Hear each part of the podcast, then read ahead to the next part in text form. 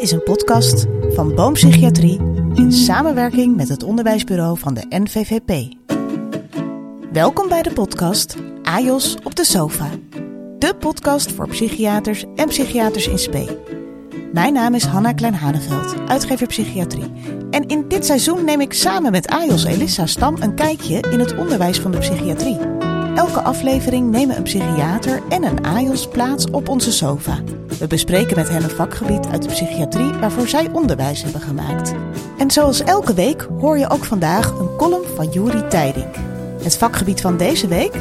Kinder- en jeugdpsychiatrie. Jullie noemen meteen die ouders als ingewikkeld, maar die ouders die zijn heerlijk. Want je hebt altijd mensen die houden van hun kind en die het beste voor hun kind willen. En ook al kunnen ze dat soms niet al te goed, ze willen het wel. En daar heb je dus gewoon meteen uh, ja, een soort van partner in crime zeg maar, in de behandeling. Van de sociale psychiatrie naar de kind- en jeugdpsychiatrie. Met ook weer een heel speciaal en een leuk duo. Twee psychiaters, één hele ervaren en één die net gestart is. Welkom Token van Velen. Toen wij elkaar leerden kennen was je nog AJOS en nu psychiater. En psychiater Marieke Schuppert, die mij heeft geleerd dat het best oké is om Loesje te introduceren in de spreekkamer. Dus ik kijk er heel erg naar uit om uh, jullie uh, ja, aan te horen wat er zo leuk is aan de kind- en jeugdpsychiatrie. Welkom beiden. Dank je. Dankjewel. Ik denk direct om te beginnen, wat, wat maakt dit vak zo leuk, Token? Um, ik denk vooral uh, het contact met kinderen. Dat vind ik al, ja, dat vind ik mijn hele leven al leuk. Uh, de onbevangenheid, de directheid. Um, ja, het is eigenlijk een beetje what you see is what you get. Ja. um, en ik vind die interactie met de kinderen heel leuk. Um, nou ja, in de psychiatrie, maar natuurlijk ook heel complex. Uh, maar daardoor ook juist heel interessant. En ook uh, de ontwikkeling, dat dat ook weer per leeftijd heel erg verandert en uh, weer anders tot uiting komt. ja, maakt dat ik het heel boeiend vind. En je zegt de kinderen is hartstikke leuk, maar de ouders dan? Want dat is een vaak gehoord argument om het vooral niet te willen of het wat minder leuk te vinden. Ja, oh ja, is dat zo? Dat weet ik eigenlijk niet. Ja, ik, denk, ja, ouders zijn natuurlijk net zo belangrijk als het kind zelf in het contact. Um, maar ik, voor, mij, ja, voor mijn gevoel maakt het dat juist ook nog boeiender. Om via het kind uh, te kunnen helpen, maar ook daar de ouders in te betrekken. Uh, ja, een complex geheel, maar ook een heel, uh, heel, heel, leuk om, uh, om mee te werken. Ja. ja. En Marieke, jij bent natuurlijk al lang psychiater en kind en jeugd. Ja, wat al heeft, 20 jaar. Ja, ja, wat heeft gemaakt voor jou dat je dacht kind en jeugd, dat is het? Ja, dat, dat is best wel een leuk verhaal eigenlijk. want ik had dat helemaal niet bedacht ik had bedacht dat ik psychiater ging worden, dus ik ging solliciteren naar de opleiding. En dat uh, gebeurde in Groningen in het hele consortium tegelijk. Dus je kreeg gewoon verschillende gesprekken.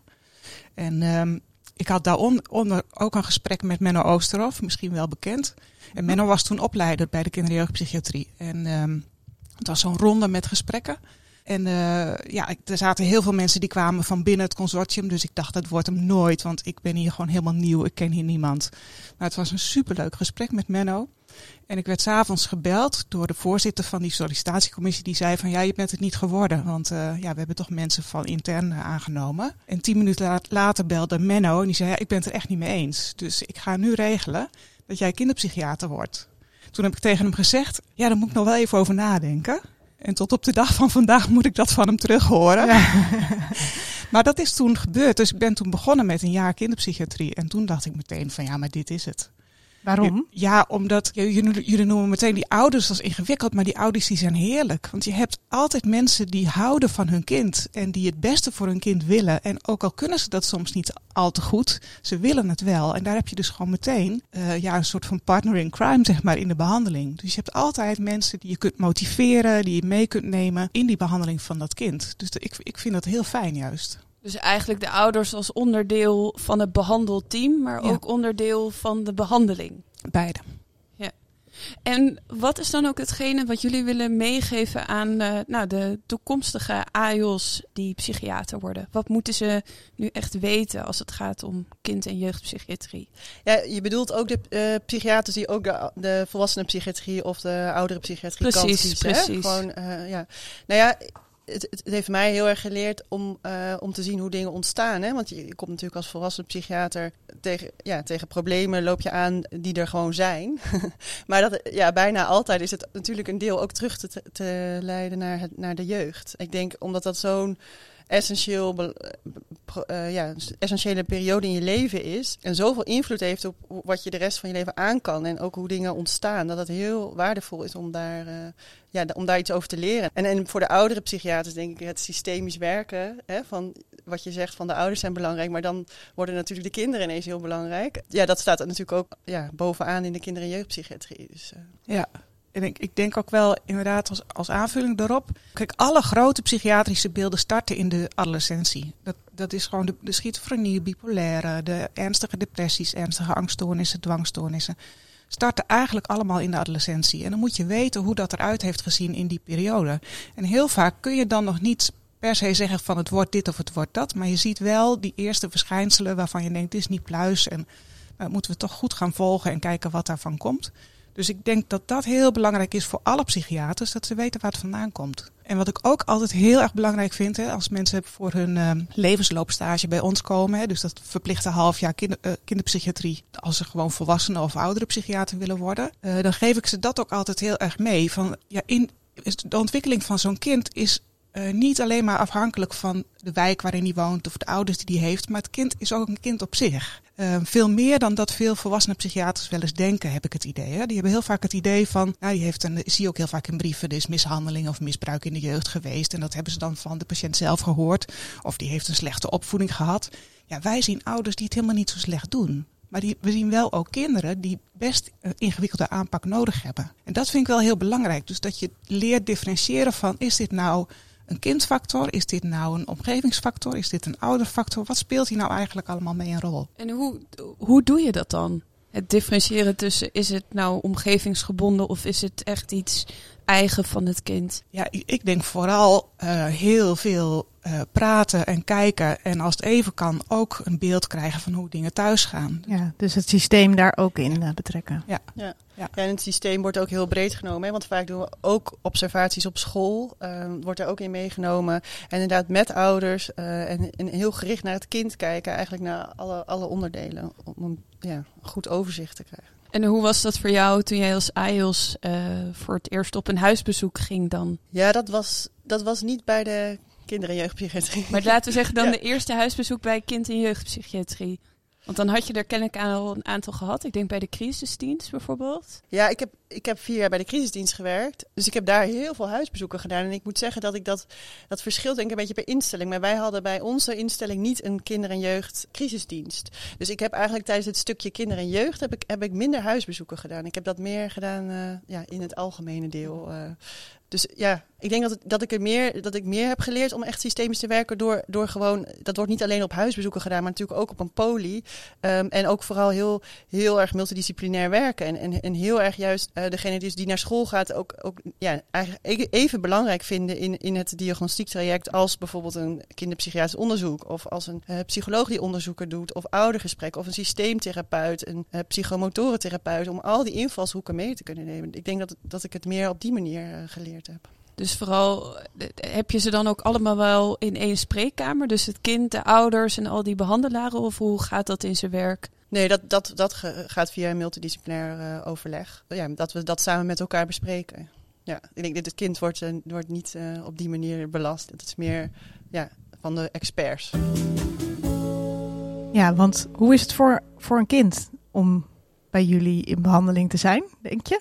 Ja, dat, dat, is, dat is natuurlijk heel erg verschillend per kind en, en, en per probleem. Ja, ik, ik, ik denk mijn streven, ik denk van mijn collega's, is ook altijd om het kind zich op zijn gemak te laten voelen. Mm -hmm. En het, het als een prettige ervaring. En, en, en ik word gehoord, ik word gezien. En, en het juist de drempel te verlagen. Volgens mij is dat ook een beetje de kunst van een kinder- en jeugdpsychiater om te kunnen aansluiten. En bijvoorbeeld ook bij een psychiatrisch onderzoek. Het gaat ook best speels, hè, vergeleken met een uh, volwassen psychiatrisch onderzoek. Uh, om, om juist het kind de mogelijkheid te geven zichzelf te kunnen zijn. Ja, en als ik daar dan even naar jou mag kijken, Marieke. Ik heb natuurlijk onderwijs van jou gehad. En ik noemde al tussen neus en lippen door Loesje. Uh, zou je eens wat voorbeelden kunnen geven hoe jij eigenlijk het kind op, ja, het echt ziet als een eigen persoon. En daar. eh, Ja, weet het is gewoon zo alledaags dat ik denk van gewoon voorbeeld heb ik dat eigenlijk wel. Want ik, eigenlijk wordt er bij mij, dat, daar streef ik ook naar, in, in ieder gesprek wordt er gelachen. Dus het is, er is altijd wel ergens lucht of er is iets waar ik eventjes een beetje de draak mee steek of een beetje plagerig mee ben. Of eh, wat, wat bijna altijd ook bij hele super depressieve pubers, wat gewoon eigenlijk altijd wel lukt. En jij noemde die loesje inderdaad, dat is er eentje die ik wel gebruik. Maar ik gebruik ook wel van die, eh, eh, van die andere poëziekaarten heb ik wel op mijn kamer en die deel ik ook wel eens uit. Dus... ehm ik heb er eentje met eh, bijvoorbeeld een, eh, een olifant eh, en een, snur, een slurf. Hè, dat je maakt van een mug geen olifant. Hè, maar dan gaat er dan over hoe je van een, van een olifant weer een mug maakt. Oh ja. Dus die, is, ja, die past vaak heel goed bij angstige kinderen. Hè, die, die, die tobberige, paniekerige kinderen. Mhm. Dus wat ik, ik doe inderdaad best wel veel ook met nou, kleine, kleine dingetjes in beeldmateriaal. Dus of met kaarten. Of ik heb een verzameling Playmobil poppetjes. Dan laat ik ze daar een poppetje uitkiezen die iets over hun stemming of hun Mhm. probleem vertelt. En dan kunnen ze aanleiding daarvan ook iets vertellen. Ik heb ook altijd dingen op mijn tafel staan die je kunt vastpakken en waar je even mee kan rommelen. Ik weet niet of ik heb het zelf ook altijd de neiging, doe ik hier ook al. Dus ik pak dan zo'n bekertje en dan zit ik dan zo mee te klooien Ja. of met een, met een paperclip of dat soort dingen. Dus ik heb gewoon kleine speeltjes die geen geluid maken op mijn tafel staan. Die mensen gewoon doen ouders trouwens ook. Die pakken dat en dan zitten ze daar gewoon een beetje zo mee. Dan zit je niet de hele tijd zo elkaar aan te kijken. Ja. Dus Ja. dat soort dingen, dat denk ik dat ook wel wat anders is dan in de volwassenenpsychiatrie. En per leeftijd dus ook weer heel De verschillend. leeftijd ook weer heel verschillend. Ja. Zeker. Ja. Maar toch ook weer niet. Als die volwassenen ook rustig een speeltje pakken om Ja. mee te frummelen. Ik, zou, ik, ik denk ook wel eens van, je zou het eigenlijk bij de volwassenenpsychiatrie ook moeten doen. Ik heb een collega die heeft van die leuke volwassenenpsychiatrische. Die heeft van die leuke eh, speeltjes, die kun je omkeren. En dan komen er van die belletjes, van die luchtbelletjes of van die, beetje die, die lava-lampen. Dat, Oh ja, dat systeem, ja. zeg maar. En die heeft ze dus gewoon ook op haar tafel staan. Ja. Ja, ik word er ook echt op aangesproken als ik niks op mijn tafel Ja. heb. Ja, Ja. er heeft iemand voor mij op die kamer gezeten, heeft alles weggehaald. Ja. Dus is het waar Juri zei, de psychiater in het ziekenhuis, herken je aan de vliestrui, dat we de kind- en jeugdpsychiater kunnen herkennen omdat er altijd dingetjes op de bureau staan? Ik, zie- ik zie twee mensen heel enthousiast knikken. Ja, ik denk het wel, ja. Ja? Ik denk dat je het niet Ja. kan maken om een helemaal steriele spreekkamer als kinder- en jeugdpsychiater te hebben. Nee. Nee, dat wordt niet gewaardeerd. Nee. Nee. We hebben wel onderzoekskamers voor PO en voor bijvoorbeeld ASS-onderzoek. hè. Die ASS-kinderen willen niet te veel prikkels. Nou, Ja. dan zit het allemaal in een doos. Dus dan kan je het gewoon pakken als je het nodig hebt. Maar, eh, Die onderzoekskamer ja, is ook heel leuk. Hè? Ik bedoel, als je met, met jongere kinderen eh psychiatrisch onderzoek doet. Ja, ik vond het gewoon geweldig. Het is, het is, eh, je, moet- je moet eigenlijk, het is echt een drempel die ik in het begin even moest overgaan. Want ik ben bij de infant poli begonnen. Dus dat zijn hele jonge kinderen. Ehm, om dan je om weer te gaan spelen, zeg maar. Dus, dus op- je moet daar voor, jezelf even een drempel in over. Want je moet echt een beetje ja, echt aansluiten bij het kind. Dus echt daarmee spelen. Maar tegelijkertijd daar dus ook nog iets van vinden. En daar ook nog weer ja, ehm, diagnostiek mee doen. Eh, maar als je eenmaal die drempel over hebt, ik denk dat maakt het ook zo leuk en speels. Dat, ja, dat vind ik dus een heel, heel leuk onderdeel van, eh, van dit vak. Ja. ja, want tot een jaar of vier of zo zit je eigenlijk gewoon met je cliënt op de grond spelen. Of niet? Nou, ook ouder hoor. Eh, kinderen van zeven of acht. eh, eh, doe, doen we dat ook wel eh, onderdelen echt, echt of, of met zand in de zandbak spelen Oh ja. of inderdaad met, met poppetjes, Playmobil. Eh, omdat het ook vaak voor kinderen veel makkelijker is om via een spel eh, dingen te vertellen in plaats van zo tegenover elkaar te gaan zitten. Is dat juist een heel mooi instrument. Maar Ja. ja, ik denk dat een kind van 12 of 13 jaar juist weer kan aankijken van eh, ja, wat doe je nou weer voor Ja. stoms? dat is wel goed aanvoelen. ja, hoewel dat ook wel weer kan helpen in je diagnostiek. Hè? Als je Ja. dus met een kind van 12, 13 eh, spelletjes gaat doen die je anders normaal gesproken met kinderen van Ja. 8 doet, dan moet je wel denken van hé, hey, hoe zit het met die intelligentie van dit kind? Hè? Of met de emotionele ontwikkeling van Mhm. dit kind. Dus dat, dat zegt daar weer iets over. Ja. En nu hebben we het vooral over het onderzoek. Maar het behandelen van een kind is denk ik ook wel heel anders dan bij een volwassene. Hoe is dat voor jullie? Wat, wat, wat moet je daarvan weten als je kinder- en jeugdpsychiater wordt? Hoe leer je dat? Ja, ik, ik zorg er bij ons in elk geval voor dat ze vooral de cognitieve gedragstherapie heel goed eh, leren kennen bij kinderen. Ehm, bij ons doen alle AIOS eh, een aantal eh, CGT-behandelingen zelf onder supervisie. En die zijn vaak protocolair, dus dat is wel heel fijn. Ehm, moest ik zelf eerlijk gezegd best aan wennen, zo'n protocolbehandeling. Ik ben niet zo heel erg strak in de leer meestal. Dus ja, ik, ik week nogal snel af.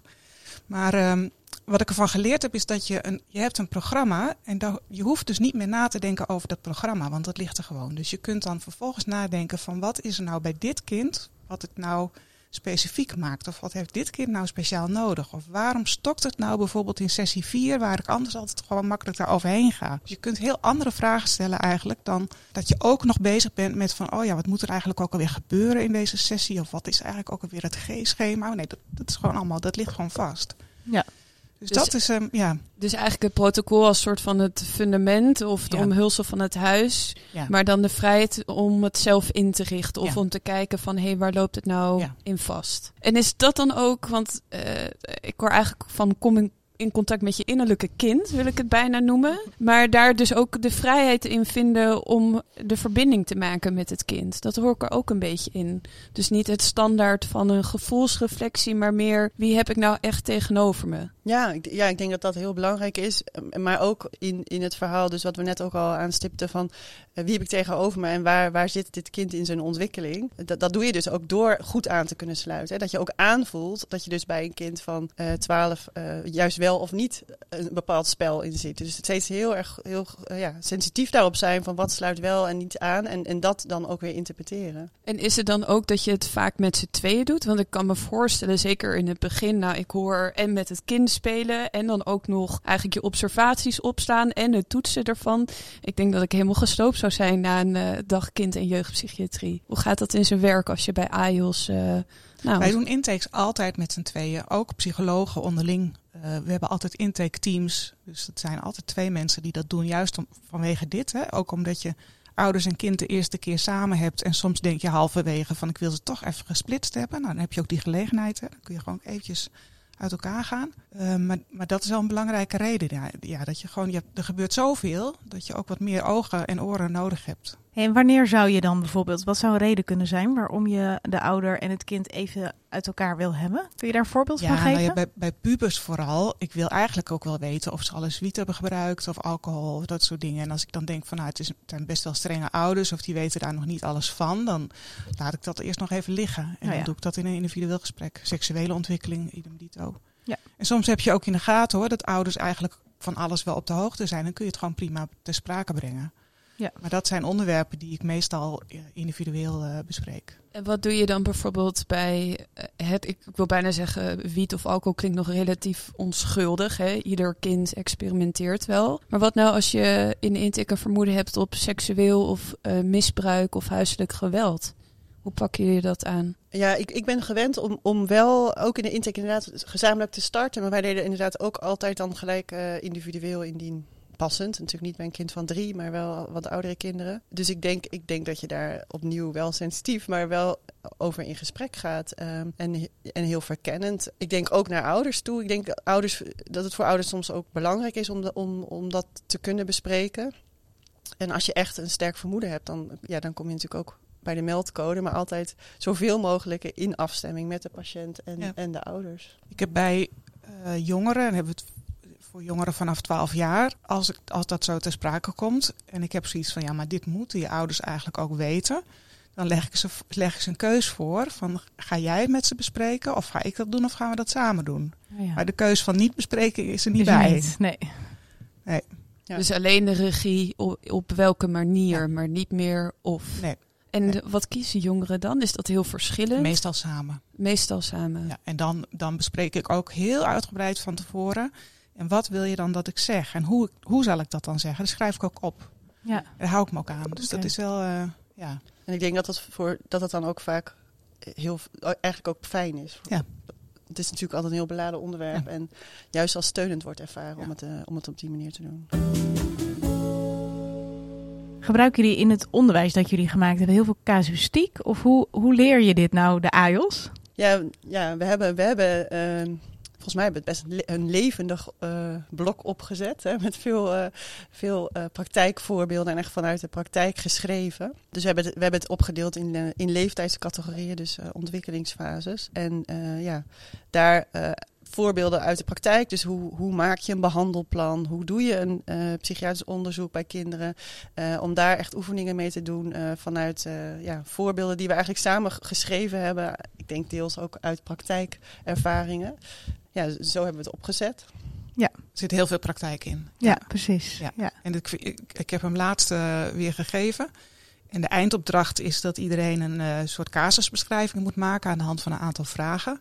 En ik kreeg van meerdere mensen terug van, oh wat fijn dat dit niet gewoon zo'n toets is met, eh, met vragen en antwoorden. Ik was er ook heel blij mee. Oh, Want het kost veel minder tijd om het na te Oh ja. kijken. want daar hebben we ook nog discussie over gehad. Ik kan mij die discussie herinneren. Ja. Er was een, was een, de helft van de groep was voor toetsing en de andere helft was tegen toetsing. Oh, wat grappig, ja.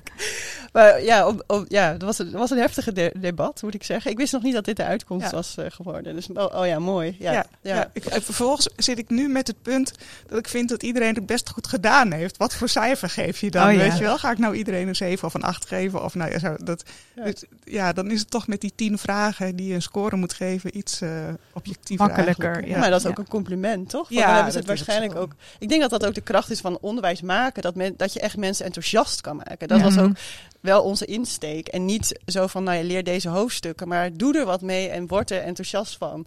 En ja, ik denk als het goed gemaakt is, dat we dat dan wel als een compliment kunnen Ja. beschouwen. Ja.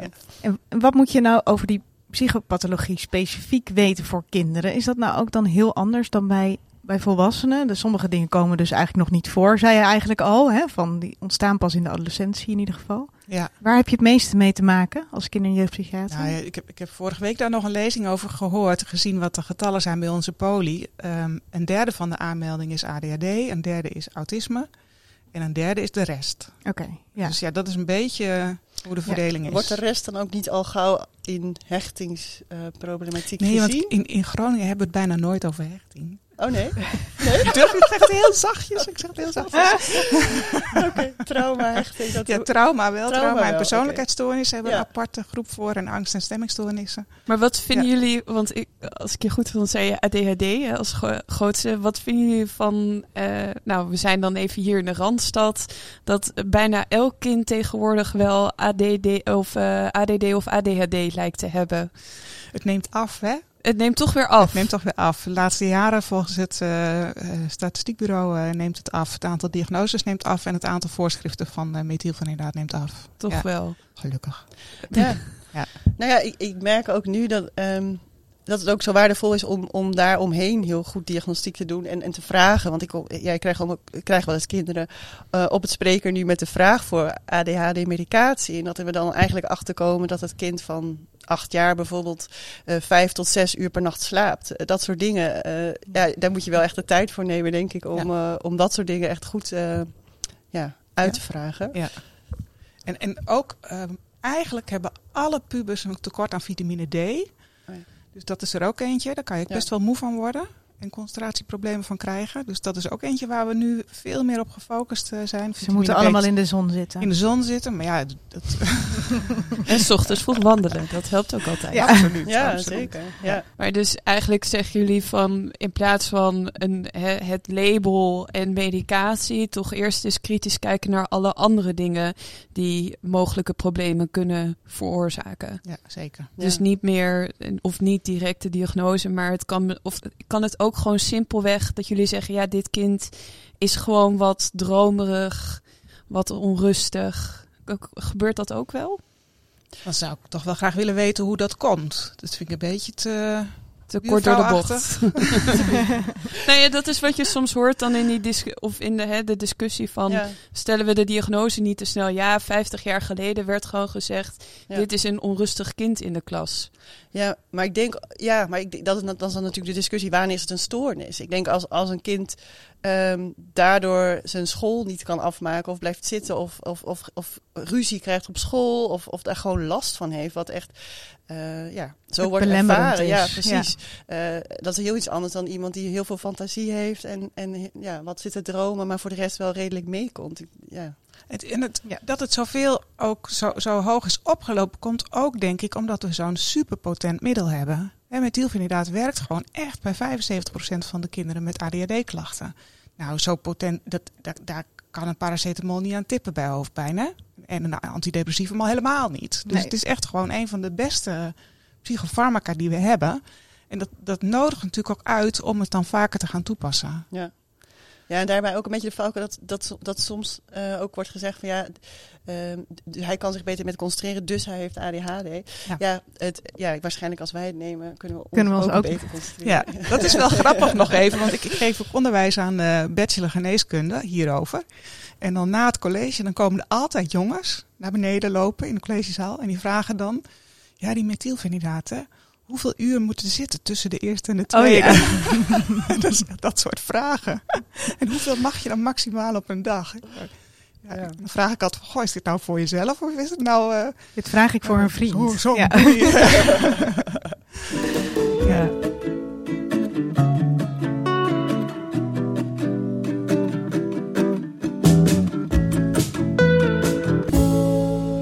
Column gesproken door Juri Tijlink. Als wetenschapper die onderzoek doet naar onderzoek en onderzoekers vind ik het fascinerend om de heftige maatschappelijke discussies te volgen die de psychiatrie kan oproepen in de maatschappij. Het is voor mij een van de vele bevestigingen dat we echt een geweldig vak hebben. Ik bedoel maar, KNO, algeelkunde of Ayurvedische geneeskunde komen bijna nooit in het nieuws. Er zijn in die maatschappelijke debatten over de psychiatrie altijd een paar paradepaardjes die ieder jaar weer veel aandacht krijgen in de media.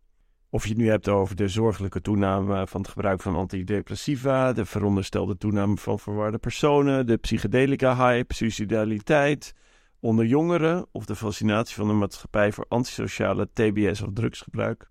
Veel mensen hebben nu eenmaal een mening over ons mooie vak. Psychiatrie leeft. Onze stoornissen staan altijd wel in de spotlight. En het is ook nooit saai. En dat geldt al helemaal voor ADHD, wat volgens buitenstaanders en zelfbenoemde experts modeziekte nummer 1 is. De enorme stijging van het gebruik van methylfenidaat in de afgelopen decennia wordt keer op keer aangehaald als boze wolf. Gelukkig geven de experts in deze podcast een iets positiever geluid over deze stoornis en beschrijven ze zelfs een afname van dat gebruik van methylfenidaat.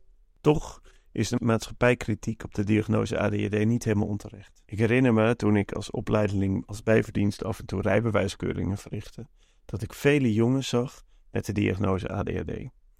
18-jarigen die in hun tienerjaren de diagnose ADD hadden gekregen van hun huisarts. En de achterliggende reden was naast een lichte vorm van daadwerkelijk aandachtstekort, dat er ook allerlei voordelen waren aan het etiket van het hebben van ADHD. Deze patiënten mochten langer over tentamens en examens doen, kregen een financieel rugzakje om bijles te bekostigen en gebruikten sporadisch medicijnen. Vaak was de diagnose een uitvloeisel van de wens van de ouders die vonden dat hun kind niet goed genoeg presteerde op school. De meesten hadden wel eens methylfenidaat gebruikt, maar waren daar al snel mee gestopt vanwege de bijwerking. Ik verbaasde me destijds over hoeveel voordelen het had om ADD of ADHD te hebben. En tijdens de keuringen komt dan vaak aan het licht dat de ADHD-klachten weinig invaliderend waren. En dat ze eigenlijk van de diagnose af wilden omdat ze vanwege hun ADHD in de speciale CBR-categorie vielen. Waardoor ze extra onderzoeken en testen moesten ondergaan voordat ze hun rijbewijs konden halen. Ja, en die kosten veel geld. Voor het halen van je rijbewijs was het dus niet meer zo handig om de diagnose ADHD met je mee te dragen. Maar ja, de stempel hadden ze nu eenmaal gekregen. En daar kom je niet meer zo makkelijk vanaf. En niet zonder reden. Want mensen met ADD hebben tot wel twee keer zoveel kans om een ongeluk te krijgen in de auto. Het doet me denken aan hoe moeilijk het soms moet zijn als kinder- en jeugdpsychiater om tegen de druk van de maatschappij en ouders opgewassen te zijn. De voordelen van de diagnose en het verlangen van de ouders zijn soms zo groot dat de makkelijke weg kan zijn om de diagnose gewoon maar te stellen. Daar ben je er vanaf. En wat ook niet helpt, is dat we in ons behandelrepertoire nou eenmaal die hoogpotente stimulantia hebben, die ook bij mensen zonder diagnose, maar wel met klachten, kan helpen om betere school- of werkprestaties te bewerkstelligen. En daarmee heb je als psychiater indirect een belangrijke maatschappelijke functie. Want dat is best lastig. Ik kom me in dat licht altijd wel opwinden over collega-huisartsen, kinderartsen of psychiaters die die diagnose ADHD stelden zonder een goed diagnostisch interview af te nemen. Het voelt ook een beetje makkelijk. Iemand die klaagt over aandachtsproblemen en dan schrijf je een tabletje voor. Kijk of het werkt. Misschien een beetje lui. Tuurlijk, kijk of het werkt is prima, maar doe dan wel grondige en intensieve diagnostiek. De verantwoordelijkheid van goede diagnostiek en de ingewikkeldheid van de medicijnen welke bij iedereen werkt, dat heeft invloed op de behandelkamer. Je ziet dat ouders gefrustreerd zijn dat hun kind niet goed presteert en je wil ook wel helpen. Ja, daar beginnen de ethische overwegingen als behandelaar. Want wanneer doe je het wel en wanneer doe je het niet? Wanneer geef je wel of geen medicatie? En wanneer help je nou een kind echt goed? Door hem eh, of haar pillen te geven? Of dat juist niet te doen? Zo zie je maar weer. We hebben een prachtig, bijzonder en intrigerend vak. En het levert dag in dag uit weer nieuwe dilemma's op, waar wij ingewikkelde beslissingen over mogen maken. En dat is dan ook, ik, uh, als ik daar even op mag aanhaken, drugs bij pubers, adolescentie. Hoe ga je daarmee om? Want ik denk dat je heel snel dan kan overkomen als een vervelende surrogaatmoeder of vader. Dat die puber denkt van, ja prima, maar ik doe lekker mijn eigen ding. Ja, maar dat is denk ik wel ook echt de, dat is dus ook echt de kunst van het, het levelen met iemand op die leeftijd. En Ja, als, als ja. je dat goed gedaan hebt, denk ik, is het compliment dat hij jou dus ook gewoon vrij uit vertelt van, nou ja, ik gebruik ze, ik, eh, dan drinken we gewoon vet en hebben we zo'n avond. Weet je, die, die, gaan, die gaan dan ook gewoon meer, ik denk, ja, Ander, anders taalgebruik. Dus niet dat net eh, als papa er, en mama erbij zijn. Nee, je bent het wel echt een ander. Je bent niet papa of mama. Je bent echt iemand die er ook voor hem of haar is. Hè? Dus als je goed kan aansluiten van, goh, waarom is dat dan belangrijk voor jou? En, en, en waar helpt drankje dan bij? En waarom, waarom, waarom gebruik je dat? En waarom vind je dat fijn? En merk je bijvoorbeeld ook nadelen ervan als je op zo'n manier een gesprek met iemand voert? Dus helemaal niet verwijtend, maar meer onderzoekend van wat doet het voor jou en wat doet het met jou? En Ja. ik vraag ook wel naar, eh, naar of ze ook kennis hebben daarover wat het dan op lange termijn voor hun zou kunnen doen. Hoe nadelig het is en wat het dan betekent en dat soort dingen. En oh, ik vraag ook heel vaak, wat, ja, als je ouders dit nu wel zouden weten, dat, wat zouden ze dan zeggen? Ja. Dat weten ze vaak donders goed. En is het dan het idee dat je ze een beetje aan het twijfelen brengt? Zo van aan het levelen en dan wat levert het je nu op op de lange termijn? Dus eigenlijk de CGT-technieken. Ja, de echte motiverende gespreksvoering doe je voortdurend, denk ik, bij, eh, bij pubers. Ja. Ja. Ja, is dat de hoofdmoot? Het eigen maken van motiverende gespreksvoering? Ik vind dat wel een heel belangrijk onderdeel, ja. Is dat ook iets wat je ouders dan leert? Om dat bij hun eigen puber te Eh, doen? Ja, Ja, ja, ik denk, ja, dat, ik denk ook, dat is in het, in het individuatietraject eh, natuurlijk ook altijd een worsteling van ouders. Van loslaten en toch beschermen. Dus ik denk dat, je, dat, het, dat, het, dat, dat, ze, dat er ze zelf ook soms op zoek zijn naar hoe pak ik dit nu aan? En ook echt zo bij je op tafel leggen van hoe kunnen we hiermee omgaan? Dus dat ze ook heel erg op advies zitten te wachten, zoals jij ook al zei. Want ze willen inderdaad het beste voor hun kind. Eh, en zien ook wel vaak wat er gebeurt. Maar dan is het ook zo lastig om dan ook een kind waar je eigenlijk zorgen over maakt, ja, toch weer meer los te laten en meer autonomie te geven. Bijvoorbeeld een kind die al vanaf jongs af aan bepaalde extra zorgen vraagt en die is dan nu ineens een puber en dan wil die ineens meer loskomen. Maar hoe doe ik dat dan? Ja, Ja, ik, nou, ik ik dacht ook net een voorbeeld. ehm, een jongen die ik net eh, eind vorige week heb gezien. En die, die ligt eigenlijk hele dagen in bed. Het enige waar die ervoor uitkomt is om te gaan werken. En dat doet hij eigenlijk heel plichtsgetrouw. En ook best wel meerdere keren per week. En die ouders die zijn echt de wanhoop nabij. Hè. Die, zit, die, die staan bij zijn bed en die trekken zijn lakens eraf. En hij, noem maar op, hè. hebben eigenlijk alles geprobeerd. En dan zetten wij daar toch een thuisbehandelaar neer. Die gewoon eens even heel zorgvuldig gaat kijken van hoe gaat dit proces eigenlijk. En dus ook met die ouders gaat kijken van ja, choose your battles. Hè? Mhm. Wat- waar ga je nou op inzetten? Wil je nou dat hij zijn haren gekamd heeft dat hij de deur uitgaat? Of Dus eigenlijk ook ouders leren verdragen dat een kind op een gegeven moment niet meer alles doet wat jij Ja. zegt. ik zeg heel vaak bij ouders van pubers zeg ik van ja, maar mevrouw, de opvoeding is voorbij. Ja. Dat, dat, kun je gewoon nu niet meer doen. Je kunt zeggen van je woont in mijn huis en daar zijn een aantal regels. Dat is prima. Maar je, kunt niet, je moet niet de illusie hebben dat je nu je kind nog kunt opvoeden. nee. Nee. Of overbeschermen. Of over En- beschermen, zeker. Ja, ja. zo van hij mag of zij mag niet met jongens of meisjes omgaan. Ja, ik kreeg ook ooit- de tip van een systeemtherapeut van, oh ja, maar, maar dan kan je ook zeggen van, maar je wilt toch ook ooit grootvader worden? Ja. nou ja, weet je, gewoon, het, Ja. het is een beetje onderzoekend, eh, ja, toch wel aan de tand voelen, denk ik. Ja. Ja, drie keer knipperen en er is alweer een half uur voorbij. Mag ik jullie hartelijk danken voor, nou, vooral eigenlijk dit inspirerende, enthousiasmerende verhaal over kind- en jeugdpsychiatrie. Bedankt voor het luisteren. Vind je deze podcast interessant? Volg ons dan ook op Instagram via @ajos op de sofa of op LinkedIn. Verder helpt het ons enorm als je een review achterlaat en de podcast tipt aan je collega's, vrienden, familie, eigenlijk aan iedereen die psychiatrie leuk vindt. Meer informatie over de podcast vind je via www.boompsychologie.nl/ajos. Tot de volgende keer. Dan is alweer de laatste aflevering van dit seizoen en gaan we het hebben over ouderenpsychiatrie. Ik ging hierin dat ik dacht, ik uh, mij benieuwen. Want ik ben, word zelf oudere psychiater. Maar ik zie toch wel weer in... Misschien ga je switchen. Ja, ja wie, welkom Wie weet, wie weet. Uh, nee, Toke en Marike, hartstikke dank hiervoor. Ja, heel erg bedankt voor jullie komst. Graag gedaan.